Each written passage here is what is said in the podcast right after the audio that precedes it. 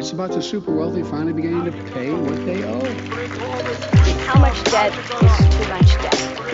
Between our planet and our economy. How you gonna, how you gonna pay for it? Det är vi det. Såg du är våra namn? Ja, ja, introt.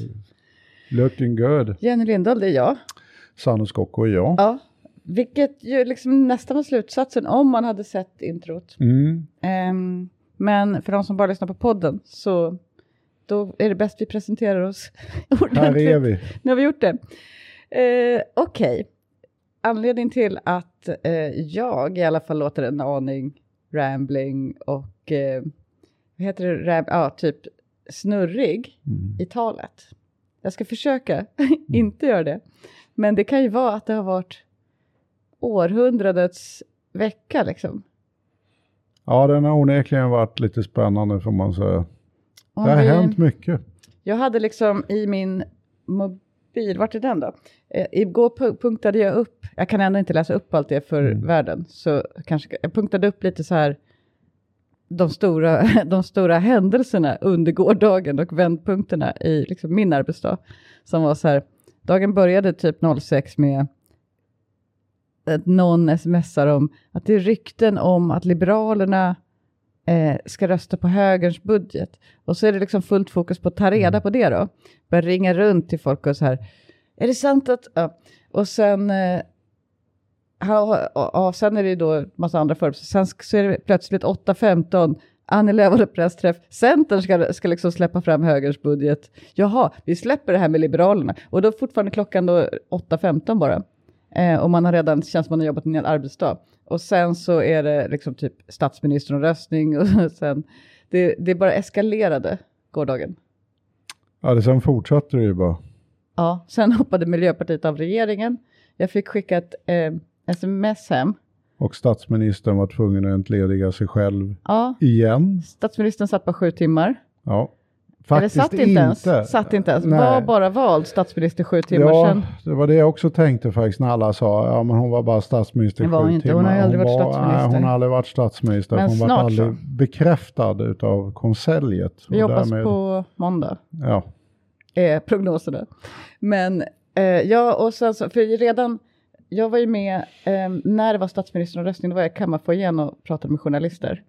Och redan där började det gå rykten. Alltså Viktor Bart Kron kom och sa, vet du vad miljöpartisterna svarar på frågan om de tänker hoppa av regeringen? Jag bara, nej, inga kommentarer säger de, vi ska ta interna diskussioner. Jag bara, Va?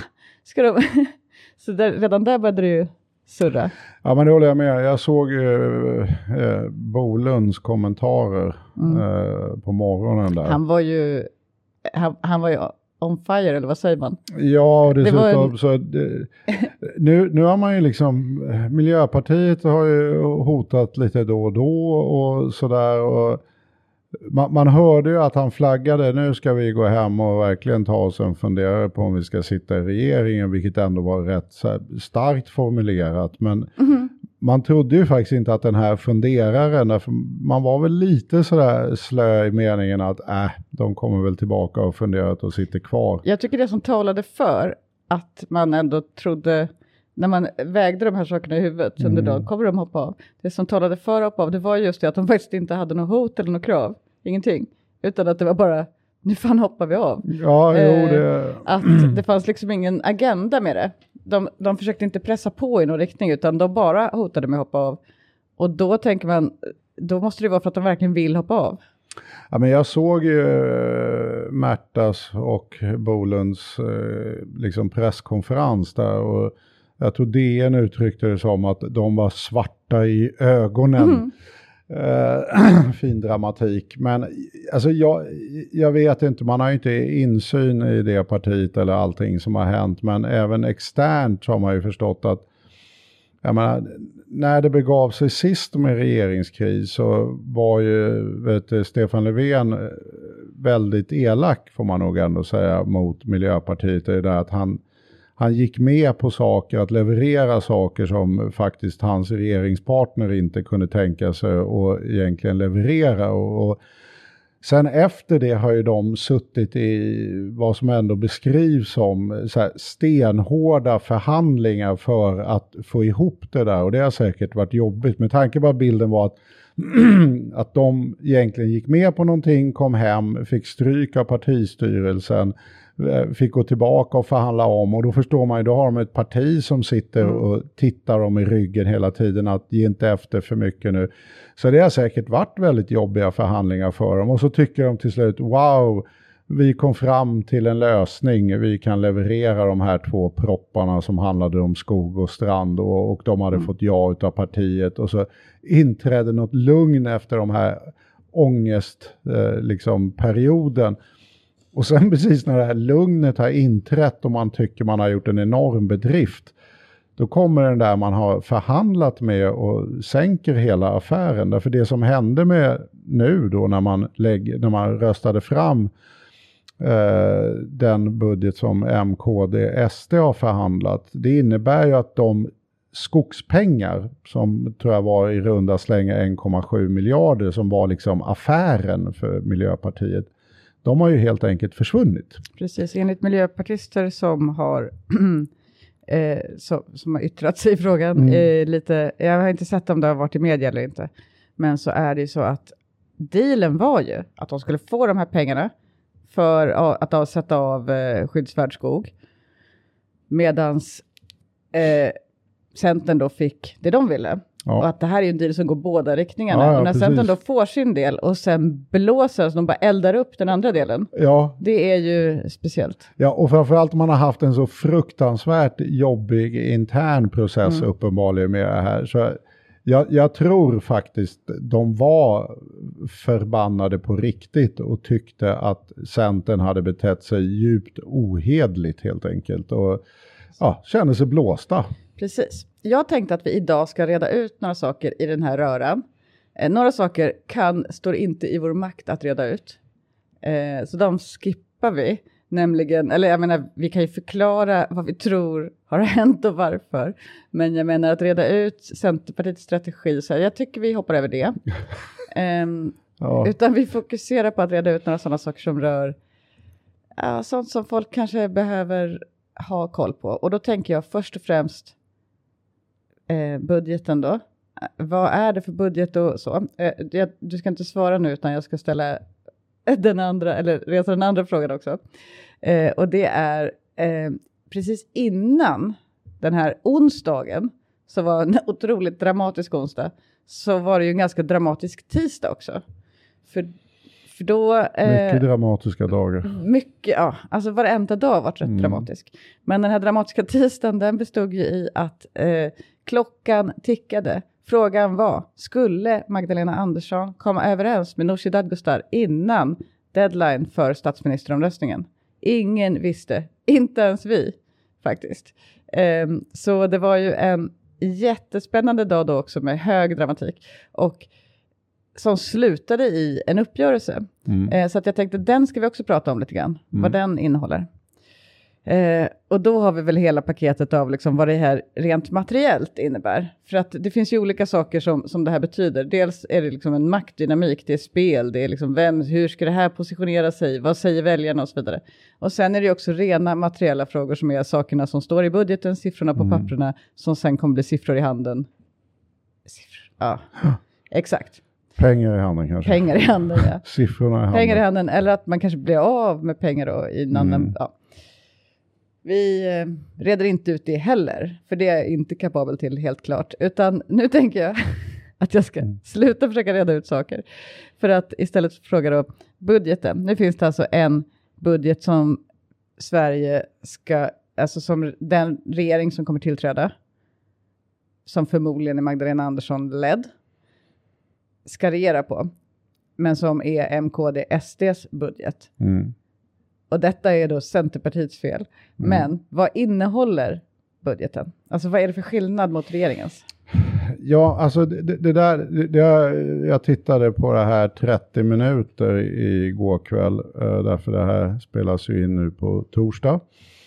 Eh, och där var ju Märta Stenevi med och då gjorde de en, liksom en poäng utav det här Ja, men Magda säger att det är bara eh, liksom en budget med mer eller mindre lite randanmärkningar i eh, jämfört med vår. Och ni säger att det är en helt annan budget och så gjorde ju då Holmberg naturligtvis en stor poäng utav det här underförstått, eh, vem ljuger? Eh, och- jag skulle nog eh, svara väldigt enkelt att eh, ingen av dem ljuger. Alltså det, det beror ju helt på vad man prioriterar. Den här budgeten hade ju reformer på 74 miljarder. Eh, Den här budgeten menar du är... den, det är, båda budgetarna har det. Så att det spelar ingen roll. Alltså budgeten hade Mm. Det. alla budgetar har reformer. Nej, inte alla budgetar, men just det, det, brukar, det är till och med faktiskt så att det är exceptionellt stort. Det brukar aldrig vara så här stort. Men Okej. nu den här gången så var det det. De två budgetar vi pratar om, det är ju eh, SMP-budgeten Ja, och MKD-SD-budgeten. japp. För det är de två som liksom är Och det huvudförslagen. är egentligen som... inte en budget, i tekniskt sett så är det ju en, en Reservation. reservation, Mm. man har skrivit ihop sig om. Men, vet, du, men då var det ju så här att M, KD, SD eh, ser ju faktiskt väldigt, väldigt olika på rätt många saker. Det, man, man får väl erkänna att det finns ett visst fog för att påpeka att den här ja, mitten vänster eh, regeringsunderlaget har en hel del skillnader på hur man ser på hur världen är. Det, det, det, Vänsterpartiet och Centerpartiet kanske inte alltid går i hand i hand när det gäller alla ekonomisk-politiska frågor utan, utan tvärtom helt enkelt är i hög utsträckning varandras motpoler där liksom Vänsterpartiet har ett otroligt starkt jämlikhetsfokus och vet, Centerpartiet kan nog faktiskt beskrivas som det mest extrema nyliberala partiet idag när det gäller ekonomiska politiken utav alla partier. Så att de är ju extremen faktiskt när det gäller ekonomisk politik eh, på andra sidan. Så att, På andra sidan är extremen. vad sa du? De är extremen på andra sidan ja. Ja, ja, och vi är ju det på den rödgröna sidan som har absolut mest jämlikhetsfokus. Ja. Och, och det betyder ju by default att man inte är nyliberal närmast. Va? Därför jämlikhet är inte nyliberalers eh, stora sak man eh, liksom älskar mest. It rewards the weak. Ja, så att det, det är ju så. Det, det finns ju ett enormt spann helt enkelt inom mitten, vänster, eh, liksom underlaget som eh, ja, inte är oproblematiskt. Men det, det som sällan lyfts är att det, det finns ju ett enormt spann även på den här eh, blåbruna sidan om man ska använda Miljöpartiets språkbruk. Eh, och det har ju gjort att de har ju helt enkelt inte kunnat enats om en budget. Därför de tycker faktiskt inte likadant.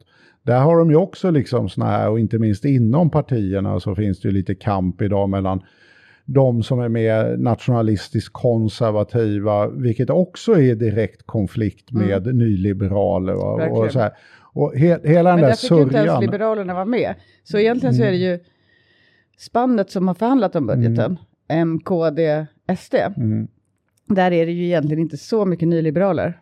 Nej, ja, det, det finns nog en hel del i moderata Men jag menar inte så här, partiet de har säga. ändå... De, de har däremot justerat sin politik, men det finns nog rätt stora krafter i det partiet. De, de är bara lite undanträngda. Men Mm. Jag skulle säga att det är nästan förmodligen, om man ska vara slarvig, kanske 50-50 nu mellan konservativa och nyliberaler i Moderaterna. De har ju liksom orienterat sig i alla fall mot en mer stabilitetsbejakande konservatism eller vad man ska säga. Ja, men det får man definitivt säga. Men frågan är hur mycket det är ekonomisk politik och hur mycket det är retorik. Därför det är liksom lite två olika saker. Verkligen. Eh, Jag tror att egentligen i den grundläggande ekonomiska politiken är ju Moderaterna fortfarande nyliberaler. De vill alltid sänka skatter och så. Ja, men har lagt till det där som försvann under Anders Borg, liksom eh, mer polis och mer militär, vilket är gamla klassiska högerfrågor. Mm. Men jag tycker också det är lite så här, om man tittar på till exempel Svenskt Näringsliv, Mm. som ju företräder arbetsgivarorganisationerna, eh, då, där finns ju också samma motsättning. Alltså det finns ju en bransch som är nyliberal, eller vad man ska säga i sin Mm. lobbyism. Eh, alltså det, och det är ju vårdföretagen, det är liksom skolföretagen, det, alltså Almega-företagen. Och sen är det också eh, rätt mycket restaurang och hotellbranschen, och så, alltså Visita och de här. De, har ju, eh, de vill ju liksom inte ha så mycket fackföreningar eller regler eller någonting. Typ. Mm. Medan vi har en, en annan, alltså den gamla industrikapitalismen. Liksom. Mm. Eh, de vill ju oftast så, så, att klara spelregler, stabilitet och någon slags förutsägbarhet i systemen och så. Alltså därmed så är de inte lika pådrivande för stora reformer utav saker. Ehm, och jag tänker att den motsättningen, den, den har väl liksom lite delat upp borgerligheten också i. Ja men det har den verkligen gjort och det är det som man ser nu i budgeten. Därför när, när du lägger in nu SD det här som är idag i praktiken en, en fullvärdig medlem i och med detta steg som togs med att man faktiskt förhandlade ihop budgeten med SD. Och de är ju liksom eh, riktigt nationalkonservativa. Alltså de har ju den här idén om liksom eh, ja, men en, en, en kontrollerad kulturpolitik, en homogen eh, befolkning med homogena föreställningar, en Stora stark, satsningar på saker som kan skapa det samhället. ja, och en stark stat. Mm. Alltså nyliberaler går ju från nyliberaler till så kallade anarkoliberaler som tuschar in i anarkister, det vill säga narkoliberalerna vill ju närmast utplåna staten. Så att det är såklart det finns spänningar mellan de som lutar åt att vi bör utplåna staten på högerns sida till de som tvärtom vill bygga en jättestor och stark stat. Va?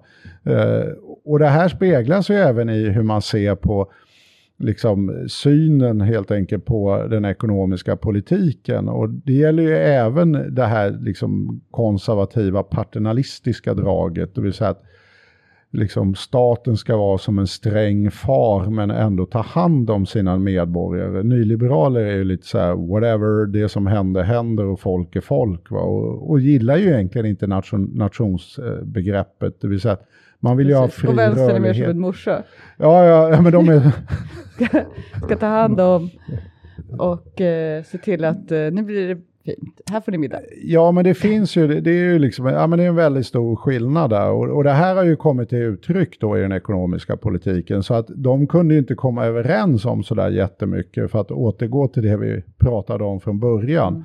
Därför då gick ju de ut med den uttryckliga ambitionen, därför de insåg det här kommer ju gå sideways så det bara visslar om det om vi försöker prata ihop oss om en riktig politik.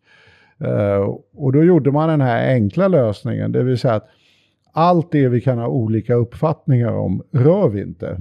Eh, och så gör vi bara de där grejerna vi tycker likadant i. Vet du vad, det hade kunnat varit en idé på den andra sidan också. Rödgröna. Mm, det hade definitivt kunnat varit en det, men då En- hade inte budget och proppar sett likadan ut kan jag Nej, säga. men det hade varit en grundidé att jobba med istället för... Ja, ja. Ja. Vi, vi går inte in på det. Nej, och då, det ledde ju då till de här nu 74 miljarderna vi ökar statsbudgeten med och kan göra reformer för. De är ju helt enkelt kvar i sin storlek, eh, men man har skiftat runt 20 utav de här 74 miljarderna. Sen vet inte jag, sen, sen driver Magdalena Andersson en tes som jag inte riktigt har kläm på hur hon har fått till den, men hon hävdar att egentligen är det bara 10 miljarder som är på riktigt och 10 miljarder är närmast tekniska justeringar. Det där har jag inte riktigt fått kläm på. Vad hon... Men det är ju också det att hon vill ju vattna ner att det här är min budget helt enkelt. Det är sjukt stora... Alltså, är, är, de här 74, är det reformutrymmet vi pratar om? Det är det vi kallar för reformutrymme. ja. Så allt normalt, eller vad ska man säga, allt ordinarie i budgeten, det är det ingen som har ändrat på alls, eller? Nej, nej, alltså det som rullar rullar ju. Mm. Alltså så är det ju i och för sig varenda år. Va? Att man ändrar ju en rätt liten del av statsbudgeten varje år egentligen. Det jo, ser men som om man tittar reformer. på... Ah, Okej, så jag förstår. Men, precis, intäktssidan kan till exempel minska på grund av reformutrymme. Alltså nu har vi så här mycket pengar att sänka skatter för kan man tänka till exempel. Eller nu har vi så här mycket pengar att... Men så att egentligen så är det inte så mycket att man minskar anslagen på... Ja, nu ska jag inte, don't get me started på reformutrymme, det har vi redan en hel en- podd ja. om. Va? Men alltså, reformutrymmet uppstår ju traditionellt sett utav så kallade automatiska besparingar i, Vi har en i hel staten. podd om det. Ja, så att, men, men det gör ju det att du har en viss mängd lediga resurser helt enkelt i och med att de andra kontona har krympt. Och då är det precis som du säger, då kan man ju använda det till skattesänkningar. Eller se till att de där kontona på välfärdssidan inte krymper. Mm. Eh, det är ju det man kan använda pengarna till. Eh, och då har vi ju använt pengarna under väldigt lång tid i princip till skattesänkningar och låtit de här Det har funnits välfärdskontona... två olika, två olika möjliga sätt att hantera eh, de här automatiska besparingarna. Det ena är sänk skatten och det andra är spara i ladorna. Ja, och det där är ju lite den här, ja, det är en väldigt märklig, men jag märker ju att den sätter sig. Jag tycker jag såg det senast en analys på Aktuellt eh, utav deras ekonomisk-politiska kommentator. Där hon säger så här, ja men det har varit så himla bra att vi har sparat lån för det har gjort att vi har kunnat kosta på oss de åtgärder vi behöver. Och, och det, det är ju rent ut sagt direkt felaktigt.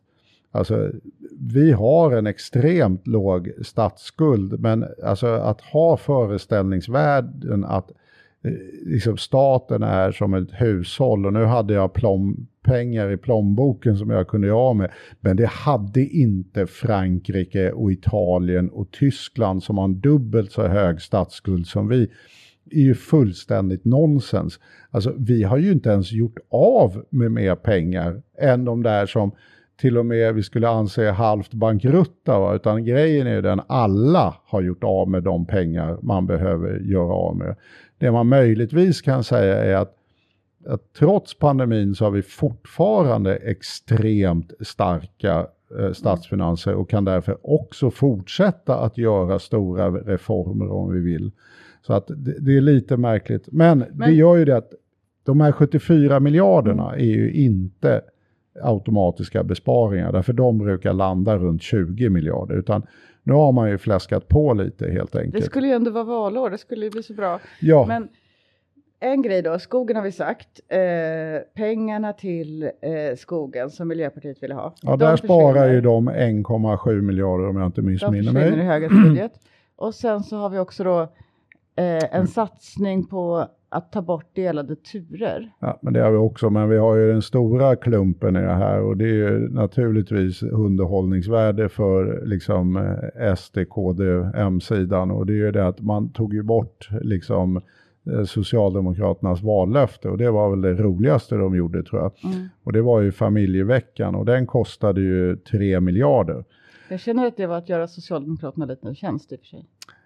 Jag, inte, jag misstänker då att Socialdemokraterna inte det på samma sätt. och med för att- de tror ju så mycket på... så här är Socialdemokraterna. De, istället för att driva liksom en ekonomisk politik som ökar, alltså så här typ ha reformer för jämlikhet och hålla på, Mm. normala grejer som politiker har gjort i alla tider, så är de så här, hmm, vad kan vi hitta på som ingen har gjort förut, som är konstigt och som alla kommer tycka, vad är det här, som är våran stora valgrej. Så där gör de ju alltid.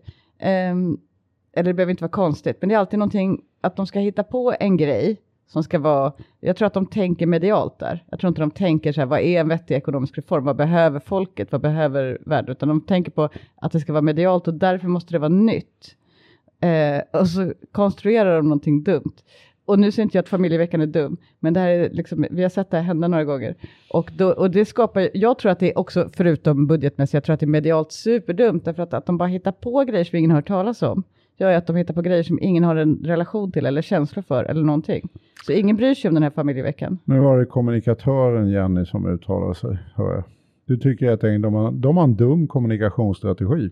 En dum reformstrategi för att den är baserad på en kommunikationsstrategi. Och den kommunikationsstrategin skulle kunna varit bra i sig, men det är den inte heller. Nej, nej, men det är mycket möjligt. Men det är ändå deras lilla hjärtefråga, Japp. eh, har de ändå tänkt sig. Eh, och den är ju på 3 miljarder. Och så här har ju de suttit och plockat grejer. Det här gillar vi inte, då får vi ihop en miljard, familjeveckan 3, skogen 1,7 och så har de hållit på sådär. Så har de samlat ihop en, en klump med pengar helt enkelt. Och beror det då uppenbarligen på hur man räknar, eh, jag får väl ringa Magda och fråga, men, men den, den normala uppfattningen är att det är ungefär 20 miljarder de har skrapat ihop på det här sättet. Eh, och då har man liksom kunnat pytsa ut dem på andra grejer. Försvar. Försvaret, polisen och så att så här, rättsvårdande och, man, man, och skattesänkningar inte minst. De inför ju ett jobbskatteavdrag till och sådär. Så att Och de sänker ju bensinskatten, det kostar ju pengar. Mm, Eh, så att det är skattesänkningar, bensinskatten då också och du, olika utgiftssatsningar som man kan göra på det där. Så att det, det är väl möjligt då om man nu återvänder till det här Holmberg-programmet att man, man kan hålla sig med uppfattningen som Magda har att ah, det där var väl inte så stor affär. Därför det som är poängen är att väldigt mycket är ju kvar naturligtvis. Det vill säga i runda slängar 50 miljarder i reformer. Och där ligger ju även till exempel de reformer som Vänsterpartiet tvingade fram. Eh, Vänsterpartiet skrev ju en del debatt där man inte minst krävde kraftiga förbättringar av eh, sjuk och aktivitetsersättningarna. Eh, och då tror ju folk så här, wow, nu föll det därför att eh, liksom deras budget föll.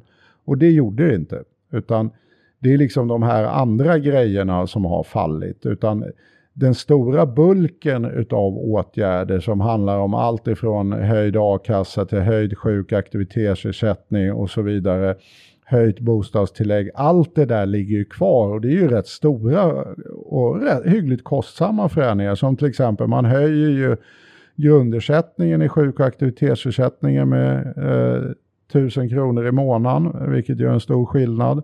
Man höjer taket i bostadstillägget så att det blir nu samma som det är för ålderspensionärer. Eh, och det här gör ju det till exempel sammantaget nu att i den budget som nu är genomröstad så ligger till exempel då Vänsterpartiets vinster på sjukförsäkringssidan ligger ju även kvar, i, konstigt nog kanske man kan tycka, men i SD-KD-M-budgeten. Varför pratar du, varför pratar du som, eh, som att du vill claima sjukförsäkringsvinsterna? Nej, nej, nej, men, nej, men jag Jag säger inte bara- claima dem, utan det är ju så det är. Alltså, det, Vänsterpartiet skrev ju en Ja. debattartikel och gjorde så att det här vill vi ha.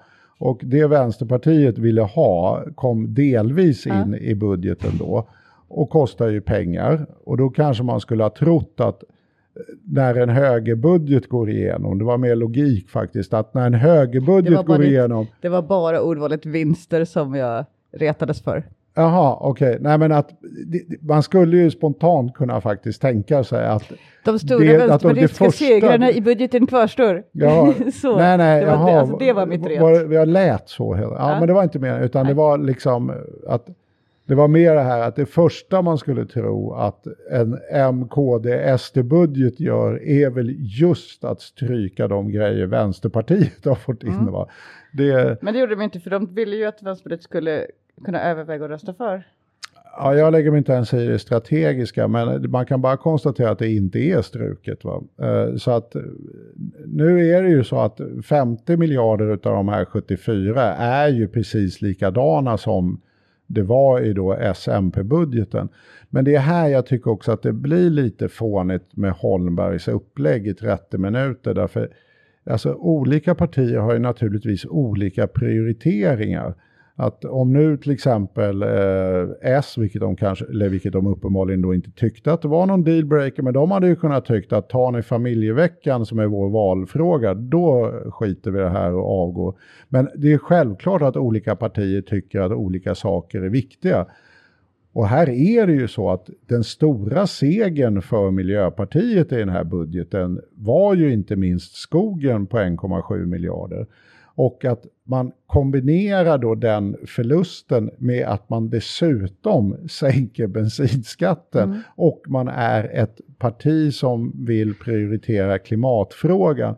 Så är ju helt enkelt det enkla svaret på Holmbergs fråga är ju att Ja, för socialdemokratin är det uppenbarligen ingen stor affär, men det är inte så konstigt att det är en väldigt stor affär för Miljöpartiet, därför man helt enkelt har olika prioriteringar av vad man ser som är viktigt. Uh, så att det där tyckte jag var lite löjligt faktiskt, att de har ju fått knallstryk på sina frågor och att, att det gör att de känner att nu, kom, nu ska vi medverka till en politik som ökar klimatutsläppen och sitta i den regeringen. Det är inte vi jättesugna på. Det tycker jag inte är jättekonstigt. Uh, Nej, talmannen är i alla fall jättearg. Eh, Ja, ja, men nu tar inte jag ställning till om de gjorde rätt eller Nej, fel, men jag men man förstår ingång till att irritationen. jag bara ville rapportera om vad talmannen säger. Jaha, okej. Eh, Så talmannen är arg på MP. Du är på hugget på mig. Jag tänkte att jag, jag, ville, jag hade inte tagit ställning till vad de På gjorde. va? hugget, jag vill på hugget hela jävla tiden. Ja, det är sant. Det är Förlåt. liksom, det är eh, faktiskt jämnt så att det är coolt. Ehm, sen brukar jag liksom i och för sig klara av lite bättre och framstå som trevligare i podden Mm, än vad jag gör idag. mm. Okej, men vad sa talmannen nu då? Han hatar MP. Ja. Stackars, Han säger stackars det MP. typ.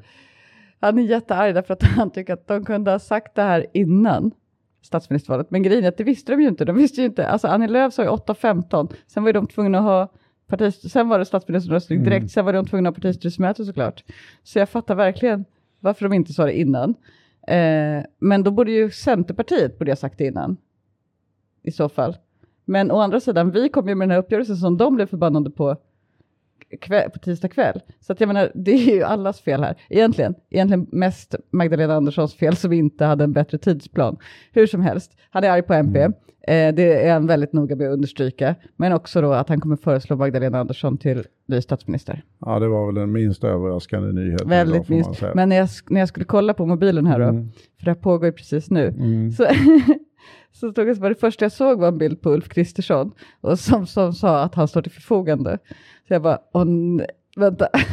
Men jag bara scrollade lite så var det faktiskt eh, Magda som föreslogs. Ja, det skulle jag säga verkar rimligt. Så att, nej men så är det. Nej men sen kan man ju alltid ha synpunkter på deras agerande och det strategiska agerandet. Men det är ju mycket möjligt faktiskt också att eh, innan 8 och 15 då samma dag, i och med att de hade suttit och förhandlat i flera månader och under stora våndor kommit överens om att det här är två proppar som är kopplade till budgeten och pengarna ligger i budgeten för de här propparna så är det såklart att Centern nu också indirekt har bundit sig för att liksom Mm. eh, stödja budgeten. Visst. Jag menar, jag tror ju att det som hänt är att under bordet eller bakom stängd dörr eller eh, typ vad man nu säger, i påsen som inte har rent mjöl, jag- vet inte, något idiom.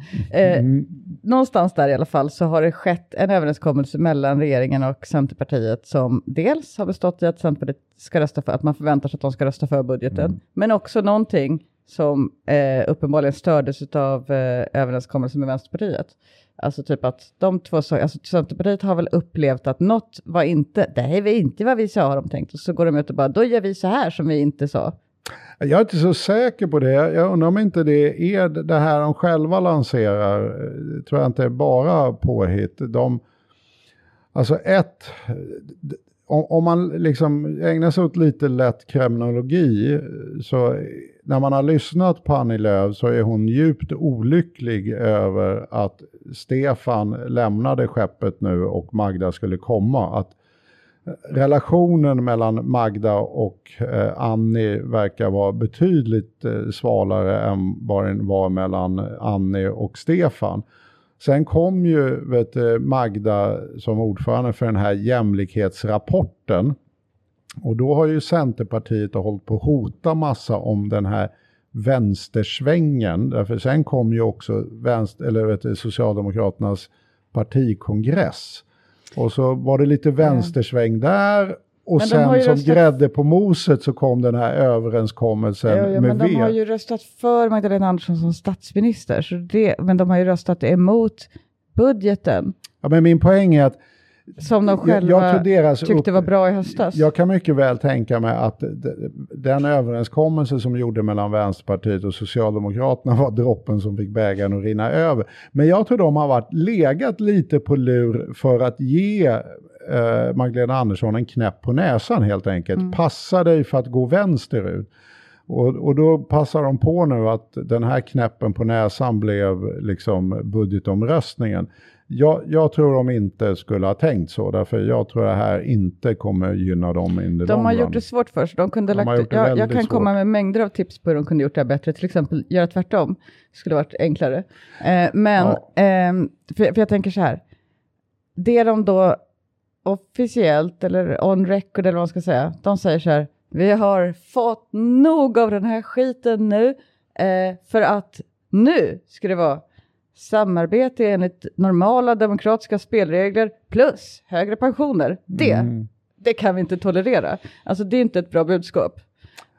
Nej, alltså de, de försöker ju med en bildsättning som är väldigt knepig. Eh, Det är det att nu, nu har liksom Och de, de, de testar lite olika också, för Martin Ådahl sa budgeten är för vänster och Annie Lööf säger så nej men det är ett skriftligt avtal och det är inte okej.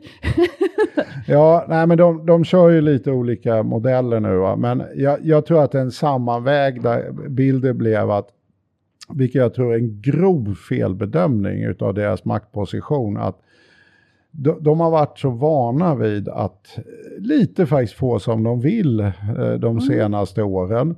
Att de har liksom fått en, en självförhärligande självbild helt enkelt. Och att nu skulle de liksom korrigera systemet. Att nu är socialdemokratin tillsammans med S och MP, därför vi får inte heller glömma att MP hade ju också kongress eller vad de nu kallar det.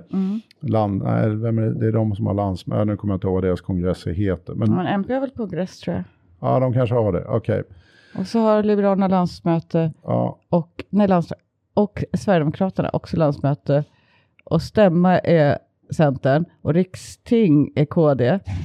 Ja, du ser. Ja, men då kanske de har kongress då. Men funktionen är i varje fall densamma. Det här kommer på provet. Ja, det kommer precis. Men funktionen är ju densamma. Och MP upplevdes ju ta ett ordentligt kliv vänsterut även på sin eh, kongress. Eh, väldigt tydligt. Och, och då är det väl så här att nu, nu ska de på något sätt disciplinera upp hela blocket. Att ajabaja, det här får inte S, V, MP tycka som de är på väg att börja tycka. Och det, det tror jag är för ett relativt litet parti då en lite för stor kostym att Jag tror sätta också att på det sig. funkade bättre på Stefan Löfven.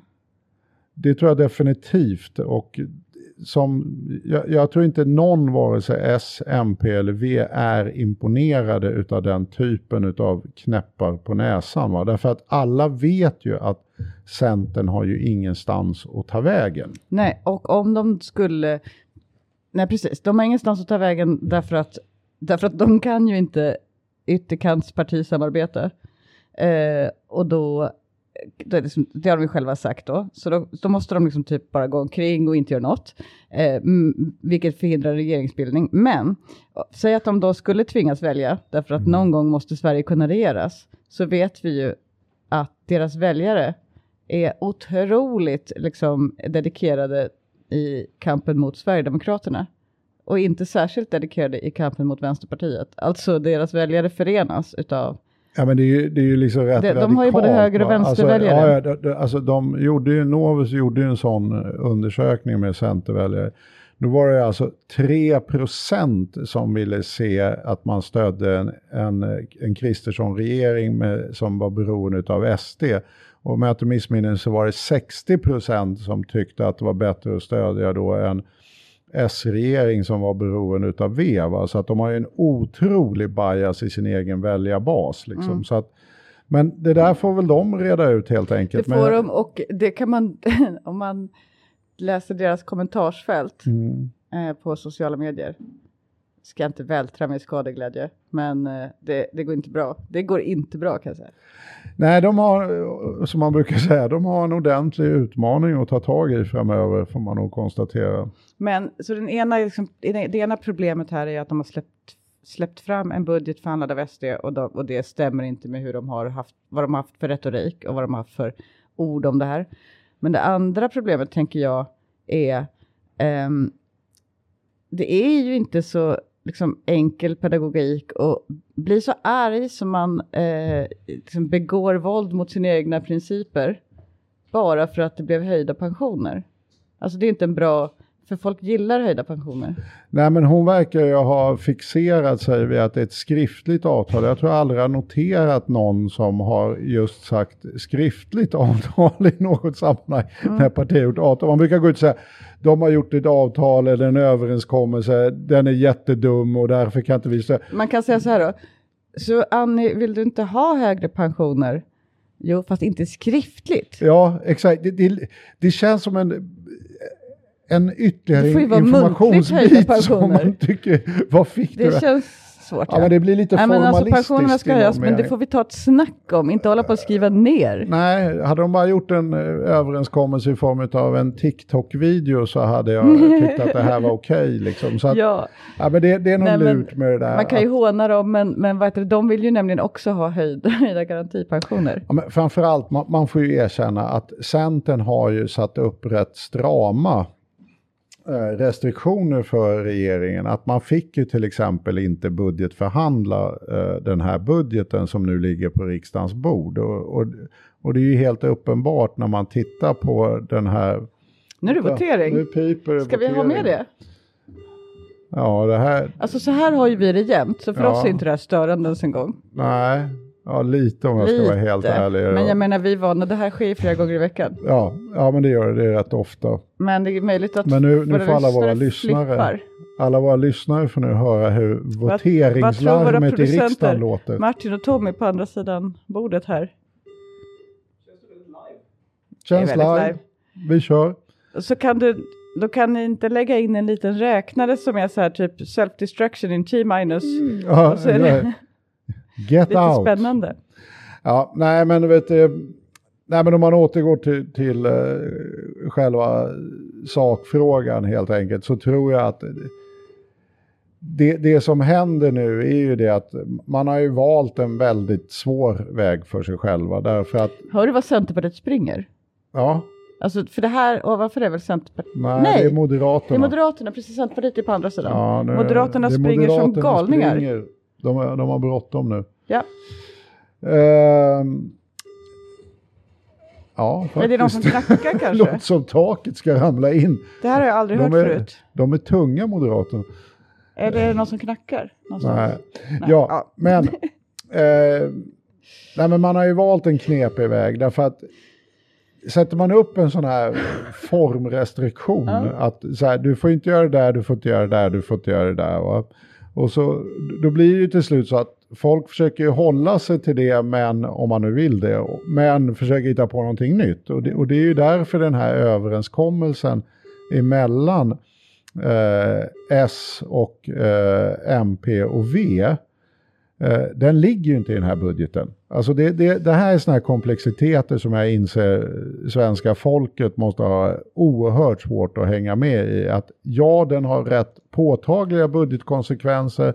Det här kommer röra sig om en reform beroende på Ja, men de exakt tänker väl att det är som med andra kontrakt, liksom, att man förhandlar fram till det man bestämmer. Men så är det inte med, budget, med statsbudgeten, för den är lite för komplex för att man bara ska liksom trixa om den ända fram till sista sekund.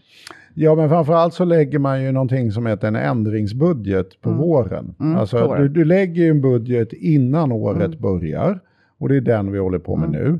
Och så, då säger man okej, så här ska vi bete oss ungefär. Men sen så händer ju liksom saker och ting. Och för att då inte, för att kunna justera eller göra förändringar då så har man någonting som heter ändringsbudgeten i det som då är regeringens vårproposition. Och att vårpropositionen och ändringsbudgeten kommer samtidigt. Och den ligger där varje år. Det är liksom, sen kan man göra som under pandemin, att Extra ändringsbudget. extra Och sen en ändringsbudgetar till, och, och då slänger man in dem på ett, som ett radband. Jag tror regeringen gjorde 21 extra ändringsbudgetar. Så att det, Mm. det finns mycket med. Och då har ju restriktionen varit att den här budgeten som ligger på riksdagens bord får inte förhandlas. Och det har ju Socialdemokraterna valt att respektera. Att de vägrar ju att förhandla den här budgeten. Och då tyckte de säkerligen själva att då är ju vi liksom home free. Att det, nu är det lugnt. Men vi kan ju hitta på andra grejer om vi måste göra andra partier lyckliga så de röstar på oss. Och i det här läget behövde de ju verkligen göra Vänsterpartiet lyckliga också med någon form av uppgörelse. Och då har man ju lagt det i någonting som då heter då ändringsbudgeten i vår. Och det gör ju det att det förslag till pensionärerna som V, S, MP kom överens om som innebär att ungefär 700 000 pensionärer kommer att få upp till eh, 1000 kronor skattefritt rakt ner i plånboken. den reformen är ju kvar. Eh, den påverkas inte av det här budgetstöket som pågår nu, därför den reformen är inte ens lagd, utan den läggs ju i vår och kommer att börja eh, verka i augusti. Och den handlar om, kan inte du, för du är ju liksom väldigt, du, jag vet for a fact att du kan mycket om den här reformen. Men så eh, jag tänker om vi börjar med, vad är det liksom grunddragen? Nej men grunddragen var ju det att Vänsterpartiet klev ju in med att... Nej, i Aha. reformen.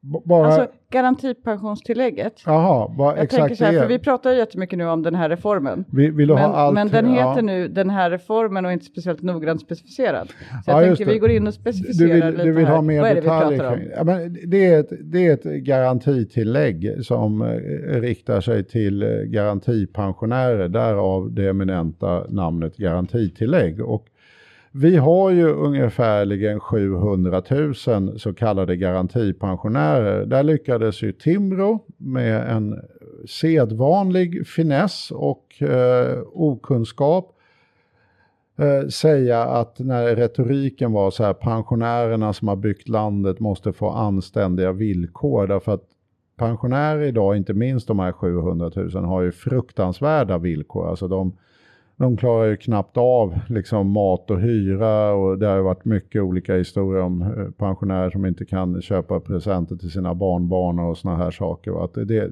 de, de lever ju, och många lever ju under den här så kallade relativa fattigdomsgränsen och, och några till och med på det som kallas absolut fattigdom. Så att vi, vi har ju ett jätteproblem som i princip alla erkänner. De här pensionerna är, är, är för låga.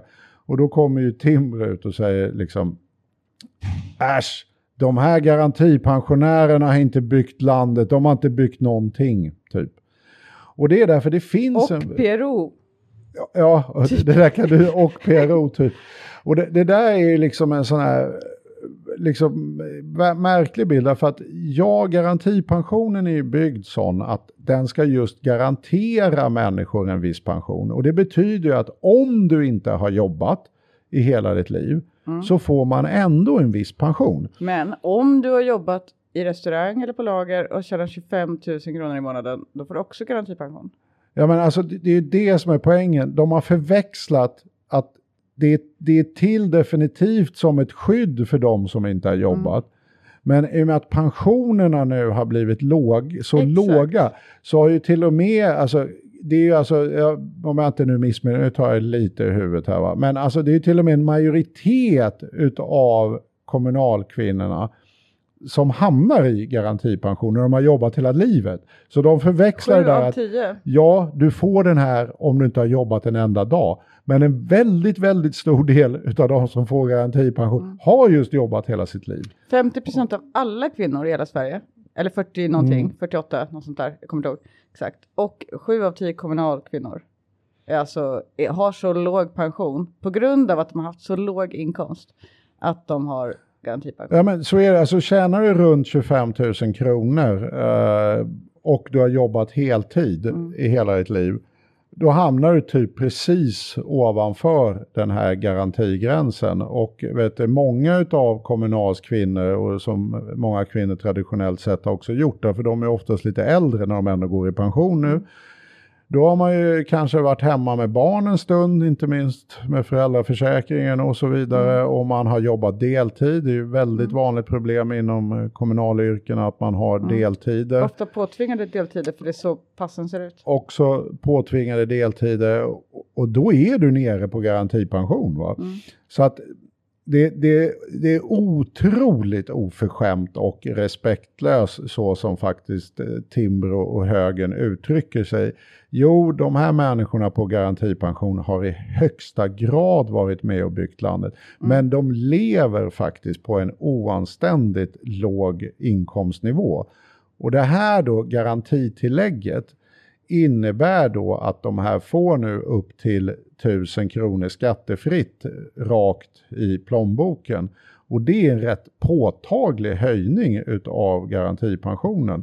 Eh, och då är det ju så att många av de här 700 000 kommer faktiskt att få just 1000 kronor. Men det kommer ske en avtrappning liksom högst upp och så vidare. Va? Men eh, Eh, det, kommer att vara en, en jätteförstärkning för de här pensionärerna och det är liksom orimligt att just som Centern uttryckte Ådal igår, den här då extremistpolitiken Alltså det, jag, jag, skulle säga att det, det, är så långt ifrån extremistpolitik det kan komma att höja eh, liksom levnadsstandarden. Alltså, Centerpartiet vill ju göra exakt det här. Centerpartiet har ju dessutom det i sitt förslag och det gäller ju PRO som gick ut och gnällde, eller vice ordförande gick ut och gnällde. Eh, väldigt märkligt. För, för, precis, jag, jag tänker vi, för vi kan väl liksom vi göra kan ta det sen. Här. Nej, jag menar nu. Aha, men jag menar, menar också, nu. jag vill göra ändå distinktionen för att det finns ju så här, de som då har arbetat ett helt liv, eh, tjänat kanske 25 000 kronor eller 22 000 kronor mm. i månaden, eh, för att det finns massor med sådana yrken som, som har den, de typerna av löner. Ja, sådana här Uber-förare, Foodora och med mera. Ja, de ligger långt under. You bet att de kommer hamna i garantipension om de jobbar hela livet. Mm. Och kanske även om de jobbar 16 timmar om dagen, kanske till och med. Till och med då. Eh, men så att man kan ha jobbat då, man kan ha först byggt upp det här landet, mm. jobbat hela livet mm. eh, och sen då ändå få ha så låg pension att man omfattas av garantipensionen och sen bli förolämpad av Timbro och så. Ja. Eh, för att man då inte, de säger ja, inte, inte har jobbat. Men sen finns det också de då som då inte har byggt upp det här landet. Mm. Där kanske vi säger, det här, här har vi en... Nu blir jag nyfiken på vad du ska säga. Ja. Vilka har inte byggt upp landet? Ja, men jag tänker en slacker som, eh, alltså en riktig 20-tals, en, en svingpjatt kanske. svingpjatt, okej. Okay. Han, han var svingpjatt, han körde in på den. Ja. Sen kanske han började med jazztobak. Ja, just det. det är alltså eh, sen kanske han, eh, Mariana. Mm. Han kanske började med det. Jazztobak är marijuana. Jag vet, eller, jag vet. Möjligtvis, vissa kan möjligtvis mena hasch. Men jag, jag ville bara förklara för lyssnarna vad jazztobak är. Jag blev lite... Du såg så här helt förvirrad ut. Jag tänkte, vet inte om att det är det? Du bara jag slängde det med jazztobak. Jag tänkte tvärtom. Behöver det verkligen översättas? Så ja, det jag. tror jag definitivt. Men jag kan ha fel. Det är en ja, bedömningsfråga. Det är en bedömningsfråga. Ja. Är det, jag jag kände inte? att det faktiskt behövde förklaras. Vad säger Tommy, Martin? Jazztobak? Eh, behöver, det behöver förklaras. Okej, okej. Okay, okay. mm, mm. ja, men säg, den här svingpjatten, han, han vart aldrig, det vart aldrig ordning på honom. Nej. Han har bara slagit dank och smidit ränker hela sitt liv. Sådär. Och eh, till slut så blev han 65. Då fick han garantipension. Ja. Eh, så att jag menar, det finns ju de också. Det är inte de som är huvuddelen av systemet, men det är klart att det finns de som inte har jobbat en dag i sitt liv. Eh, och så alltså, på något sätt har slidat runt. Det börjar låta som så här SVT, så här, by the way, det finns andra hamburgerkedjor också. Det finns en person som faktiskt inte har, det, det, där är ju en extremt liten grupp i Sverige. Så här. Vi har ju ja, ett otroligt det högt arbetskraftsdeltagande. Ja, det är det. Men, men din svingpjatt, nu tar vi Det jag försöker förklara här är ju vad det, är, de säger, vad det är Timbro och PRO säger, eh, är ju då att varför ska ni höja deras pension så att säga? Det är orättvist därför att det finns ju de som har jobbat hela sitt liv som också har för låg pension. Vi måste höja alla pensioner. Hela inkomstpensionssystemet måste ju upp och så vidare, säger de. Um, och då så pekar de liksom på den här Eh, svingpjatten. svingpjatten som inte har jobbat. Eh, och säger, är det rättvist att höja hans pension, men inte Kerstins pension här som har jobbat som adjunkt? Hon har ju också ganska lite pengar. Um, också rökt jazztobak. Mm, och så pratar de då om att systemet ska vara så att det ska finnas ett respektavstånd. Respektavstånd som då är man ska respektera de som ligger över ja, men det, det, håller jag med om. Va? Alltså, det, det, nu säger jag det med löjlig röst, men mm. jag menar resonemanget är inte konstigt. Eh, nej, nej. Och, men, att det, alltså, men stämmer den kritiken mot det här förslaget då? Alltså är det så att... Nej, nej, alltså ett så är det ju vansinnigt ur att vi har låtit vårt system liksom urholkas så grovt så att de som faktiskt har arbetat har liksom eh, garantipension. Det vill säga att det finns en svingpjatt bland dina 700 000 människor. Nej, men det kanske finns några svingpjattar bland de här 700 000. Men som karaktärisering av gruppen så är det både okunnigt och vansinnigt. Va? Så att redan där går de ju vilse. Va? Eh, men om vi nu skulle hålla oss till det här, det ska löna sig att arbeta, perspektivet och respektavstånd, så är ju det en grundbult i systemet. Att alla våra system bygger ju, den generella välfärden bygger ju på att det som Nooshi kallar för den svenska arbetslinjen, vilket jag tycker är ett utmärkt begrepp. Att vi, vi har ju väldigt mycket anammat den här amerikanska arbetslinjen, det vill säga att om du inte jobbar så ska du svälta. Va? Vi ska inte ha någon a-kassa, vi ska inte ha någon sjukförsäkring, vi ska inte ha någon pension som du inte har betalt själv är ju mm. liksom den nyliberala drömmen. Va? Att då får du spara egna pengar och sådär och har du inte gjort det då får du svälta ihjäl. Va? Vi har ju till exempel inkomstbortfallsprincipen, va? det vill säga att det är ju så att har du en högre inkomst och blir sjuk, då får du också högre ersättning. Och det är ju det den svenska modellen bygger på, att du går till arbete och när man går till arbete så finns det väldigt starka skäl att man blir inkluderad i ett system där din så att säga lön speglas i de ersättningsnivåer du får. Man hamnar inte på staten betalar en grundnivå utan vi har den här inkomstbortfallsprincipen och den, den kan man ju så att säga vända då på när det gäller då pensionerna. Att har jag jobbat ett helt liv och eh, har liksom bidragit då eh, i form av skatteintäkter och annat.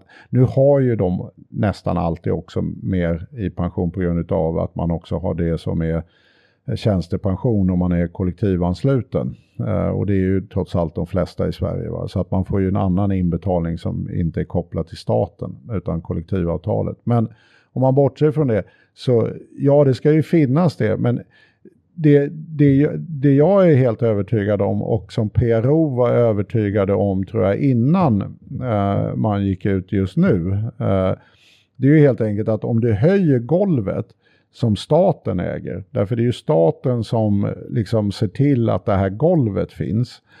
Sen regleras... Golvet är liksom garantipensionen? Golvet är ju garantipensionen. Va? Uh, och då är det ju så att det andra som ligger ovanpå det här, det här respektavståndet, det regleras utav inbetalningar man gör när man jobbar.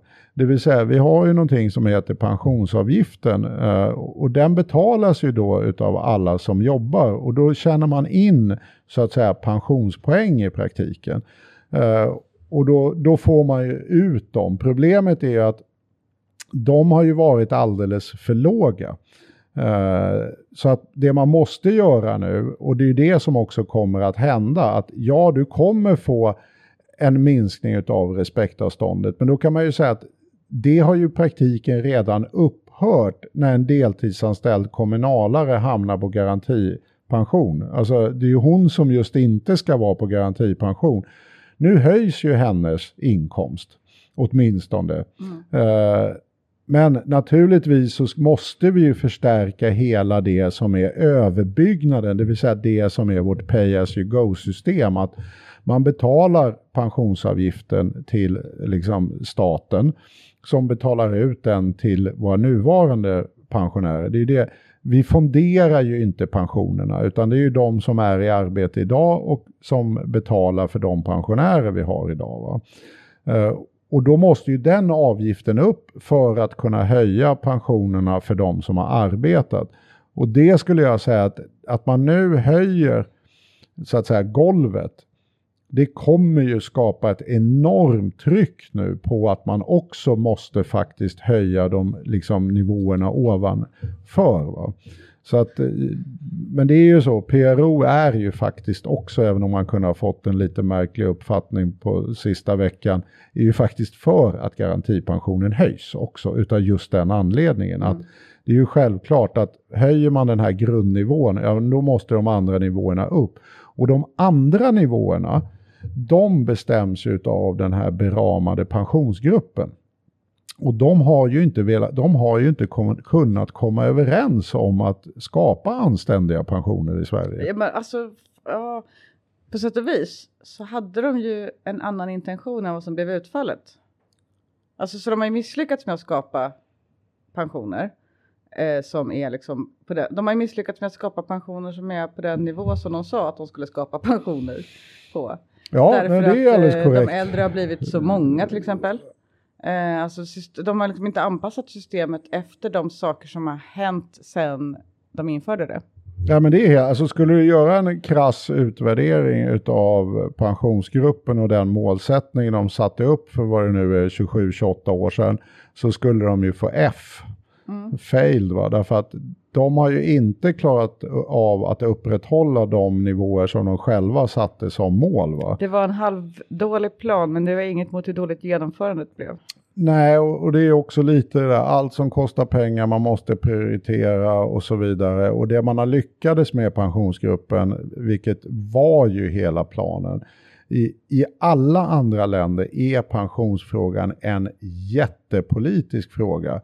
Nu gjorde ju i praktiken S och M upp om pensionerna och låste in dem i pensionsgruppen och finns det ingen politisk konflikt då finns det inte heller något medialt intresse och så vidare. Och det- är ju världsunikt att kunna urholka pensionerna så här dramatiskt som Sverige har gjort utan att få liksom en jättedebatt om det. Va? Därför det är så viktigt för människor. Och det har ju varit bara beroende på pensionsgruppen. Det finns ingen, tycker inte något politiskt parti något annorlunda, då, då blir det ingen diskussion helt enkelt. Exakt, det är svårt att dra igång den politiska debatten när alla bara säger tyvärr, pensionsgruppen. Ja, men jag såg någon eh, kommentar från eh, Svärdman som är en av eh, de här aktiva i pensionsdebatten som eh, var förbannad på att man, man skriver någonting väldigt politiskt om pensionerna som är politiska beslut. Eh, man får aldrig ett svar utav politiker, det är bara pensionsmyndigheten som svarar på Mm. debatten. Så pensionsmyndigheten har blivit någon slags här ställföreträdande politiker att försvara systemet. Va?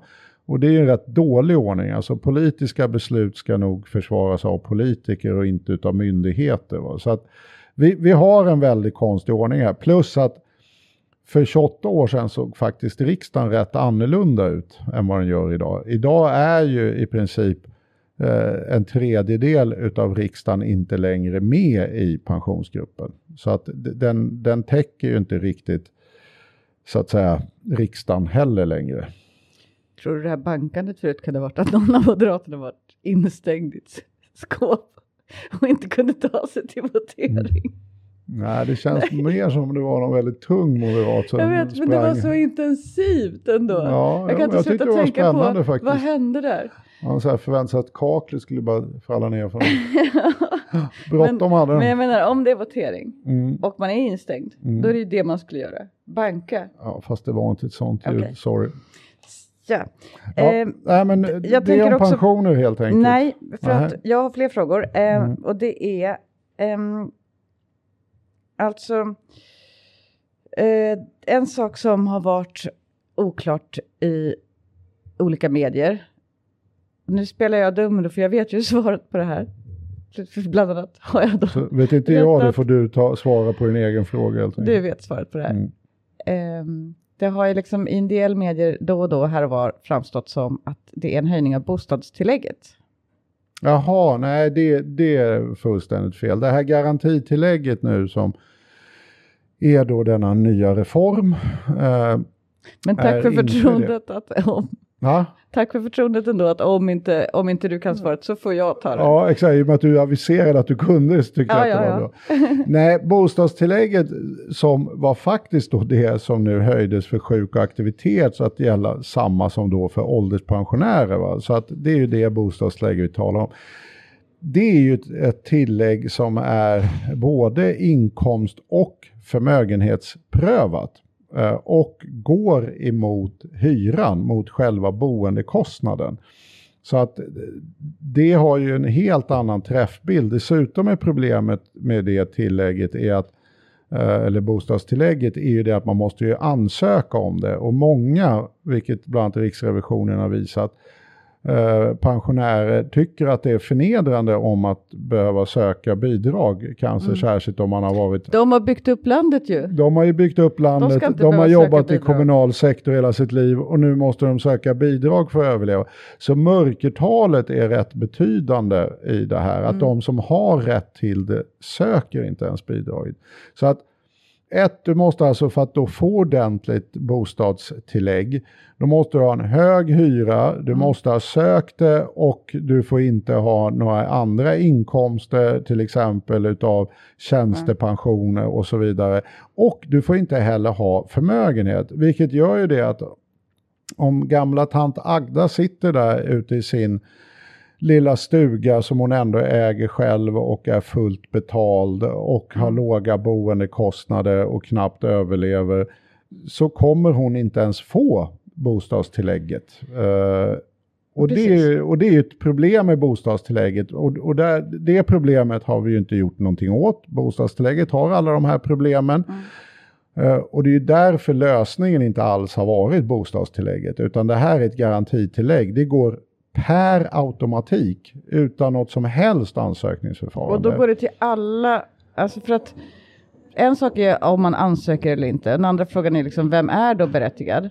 Och då kan man ju tänka sig då antingen att det är alla under en viss liksom, pensionsnivå Mm. eller att det är alla under en viss pensionsnivå som inte har ett dyrt hus till exempel. Nej, nej, nej, alltså alla de här kriterierna för ansökning av förmögenhet och så vidare, va? Det, det finns inte det här Men så om du garantitillägget. har alltså har du i princip lite förenklat kan man säga. en förmögenhet som inte ger några kapitalinkomster. Ja, men om Om den du- är bostaden så, så nej, men så kan man ju tänka. Va? Men alltså det, här tillägget som är nu, det är liksom i all sin praktik, om man nu ska vara ärlig, det är e- en höjning av garantipensionen. Va? Att du får helt enkelt det här per automatik, alla som har rätt till det och det är ju precis som då vet, garantipensionen inkomstprövat, att man ska ha inkomster då under en viss nivå så får man det här. Eh, och de får det per automatik månadsvis och så vidare. Va? Eh, det man har gjort är att eh, man har ju använt den tekniska och juridiska strukturen för bostadstillägget som grundmodell, alltså IT-infrastruktur och så vidare. Eh, för att kunna snabbt få reformen på plats. Eh, så att det, är den sammanblandningen som sker eh, med bostadstillägget. Men mm i sin funktion har det, Det har absolut, ingenting så har det absolut Det är ingenting bara för att det skulle gå att genomföra som det blev utan tvärtom så framgår det ju till och med, därför det är, det är ju sånt här man måste tänka på när man pillar med system, va? att alla system sitter ihop. Va? Så att om du, får, om, om du har just bostadstillägget som är inkomst och förmögenhetsprövat och så vidare, va? så om du då får en inkomstförhöjning, ja då minskar ju bostadstillägget. Och då kan du ju ha fått så här, ja, jag fick högre garantipension, men jag fick mindre bostadstillägg därför jag nu fick en högre inkomst och då gick jag på plus minus noll. Min, min intäkt så att säga är precis likadan. Det var bara att kontona ser annorlunda ut nu. Jag får mer i pension men jag får mindre i bostadstillägg. Va? Eh, och det är ju naturligtvis en effekt man vill undvika för det kommer ju folk känna sig lurade utav. Va? Så tvärtom är det så att det här det är inskrivet i överenskommelsen att det här garantitillägget eh, påverkar inte eh, nivån på bostadstillägget du får. Så att du får verkligen nettopengen i handen. Det blir inga gungor och karuseller. Vad sa du? Skattefritt får du den i handen. Va? Så att, nej, men det är ju många aspekter på hur sådana här system är konstruerade. Men bostadstillägget är ju viktigt där för de som då har sökt det och fått det. Va? Att det, det kan ju red, reduceras mer eller mindre lika mycket som du får i höjning då utav inkomsten och då, då blir ju folk förbannade helt enkelt. Uh, därför man känner sig på goda grunder lite lurade.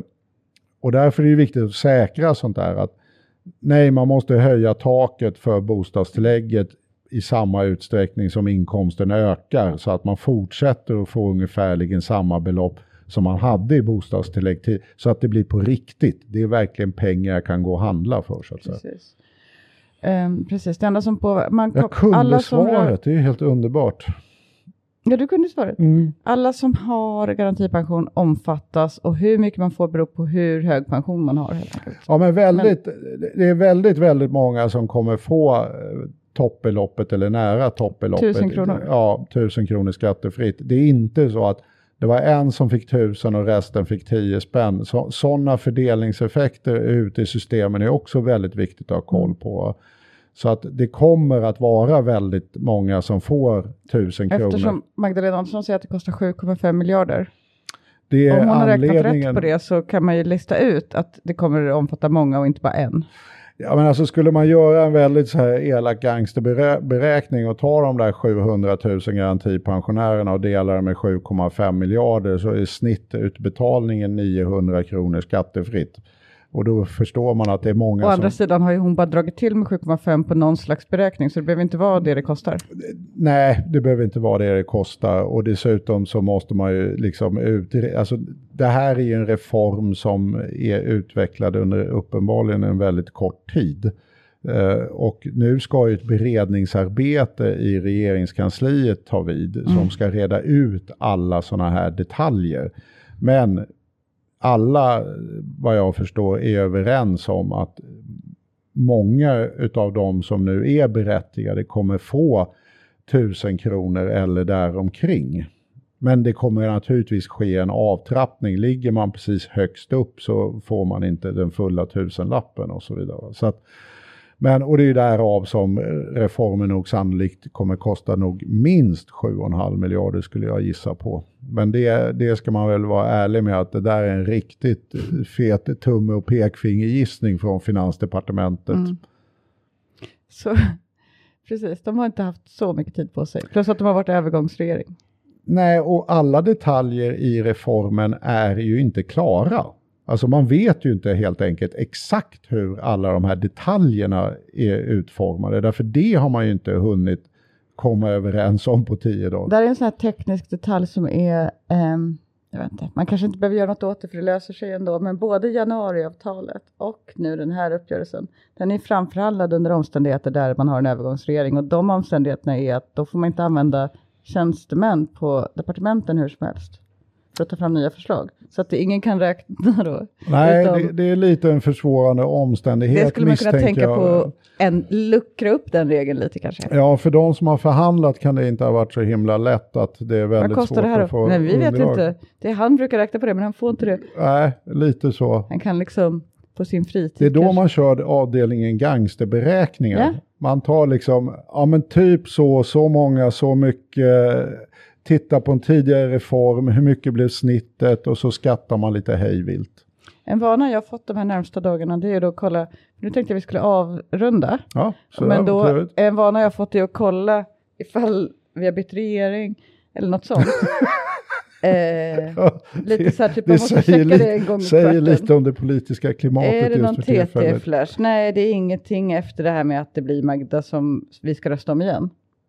Så att, eller vi och vi ska vi inte, men de som är valda till Sveriges riksdag. Nej men jag skulle nog faktiskt säga det att min prognos, jag kommer garanterat kanske få äta upp den någon dag. Eh, men, vet Ja. men det borde inträda ett visst lugn nu därför allt annat än att Magda blir vald måste ju bedömas som en oerhörd överraskning och budgeten är avhandlad. Så vi borde ha några inte månader i varje fall utav Kommer du inte ihåg i tisdags? jag vet, jag sa ju det, jag kommer att få äta kommer- upp det här. Det Men, kommer inträda visst lugnt. Du tog ledigt igår. ja, jag vet, Det kommer vara så lugnt onsdagen. jag vet. Det var den sjukaste- Det slutade med att det inte blev så, men det, Det får jag slutade erkänna. med att vi inte hade någon... Ja. Nej, det slutade med att en journalist blev tvungen att fråga på en pressträff, men vem är egentligen Sveriges statsminister nu? Jag vet. Den var rätt skön faktiskt. Då började faktiskt alla skratta. Där var vi. Ja, nej, okej, jag kanske inte ska säga någonting. Men jag har Det kanske är bättre om du säger tvärtom. Allt Alltså går åt skogen när som helst. För jag vill verkligen ta det lugnt nu. Ja, ja, men det, jag känner också att det skulle vara lite skönt faktiskt. Tills Få- om två veckor får vi utvärdera då. Ja, vi får, jo, det slog mig en grej. Det är en allmän uppmaning. Eh, jag slog ju vad med en av våra Ja, lyssnare. du förlorade 100 kronor. Jag förlorade 100 kronor. Jag är en man som står för mina vad. Mm. Men jag behöver ju någon uppgift om vad jag Ska ska du skicka. crowdfunda dem? Jag måste dock säga att jag hade lite otur. Alltså, typ... Men han skrev ju på Twitter vart du ska skicka dem. Gjorde han det? Ja, det var ja, någon, jag har tyvärr haft så mycket... någon, eh, något, något fint ändamål. Jaha, gjorde han? Mm. Okej, ja men då får jag göra det. Det var inte en specifikt ändamål alltså? Jo, det var det, men jag kommer inte ihåg vilket. Nähä, okej. alltså det här var ju en livstid Ja, men då får jag kolla upp det igen. Därför jag, efter, Det det jag såg det Trumps- där och sen gick jag in i någon dim, arbetsdimma. Ja, det var att- vart en arbetstimma. Ja, så att jag har inte riktigt... Ett tag. Jaha, men vad bra. Ja, men sen vill jag ändå hävda eh, lite otur här faktiskt. Alltså, typ veckan en efter så går han ju ut och aviserar att han just ska göra detta. Så att hade jag bara satt gränsen till 13 månader hade jag klarat mig. Nej, för han har fortfarande inte gjort det. Han har bara aviserat. Har det gått 13 nu? Du får liksom lägga på. Du kan inte, alltså gå från att Då är det en avisera, teknikalitet, då är det fan, räcker aviserat. Han behöver ju inte ha byggt huset. att gå från att avisera till att göra. Ju, ja ja. Vi, vi, Jag sa vi kan- faktiskt, jag, jag tror jag sa startat, det tror jag räcker med aviserat, men det är en teknikalitet. Men jag erkänner mig fullt ut lika väl besegrad och förlorat valet, så att det är ingenting att sörja. Det är som det är. Men han är på gång i varje Ja. fall uppenbarligen. Du vet, vi har jobbat hårt och det liksom har varit, eh, man är lite, hoppas att vi inte har varit för dimmiga idag i liksom så här typ prata, ramla runt. Men jag tror inte att det kan bli värre än när jag höll på att prata om eh, eh, kryptovaluta. och eh, så i för, förra avsnittet. Så Ja. att eh, det vart säkert inte värre. Det kan inte vara värre än när jag igår reparerade klockan i mötesrummet och sen satte mig ner och sa att jag tar emot bets på vad den kommer stanna på. Du vet, man har blivit lite... Det var ett avancerat bett om du inte hade en teori om att batteriet just skulle ta slut. Nej men alltså så här, den är kopplad till internet och sen så, jag startade om den flera gånger och den stannade antingen på 4, 8 eller 12 varje gång. Och till slut så tänker jag, Ja, ja, jag är med. Det var knepigt. ja, men jag tycker, ja, vi har ändå genomfört det. vi har genomfört det. Alltså jag, jag visste inte riktigt om jag vågade liksom ta upp ämnet ens en gång igår eller idag. Det var ju du som sa det, vi ska ju spela in Skokonomics idag. Jag vet, Ja. jag kom på det. Jag har det nämligen i min kalender. Mm. Nej men så gjorde vi det. Ja, det tycker jag är bra jobbat. Eh, Martin har gått ser det ut som. Mm. Eh, Tommy och Martin, Tommy Gabrielsson och Martin Thåström, de har liksom ehm, producerat här. Ja, vi har lite produktioner med. produktioner det, det är med. ändå trevligt. Så Mm. att, ehm, Mycket trevligt. ja, nice Tack helt för det. enkelt. Hej då! Hej då! The emergency disrupt system is now activated. The ship will detonate in T minus 10 minutes. The option to override automatic detonation expires in T minus 5 minutes.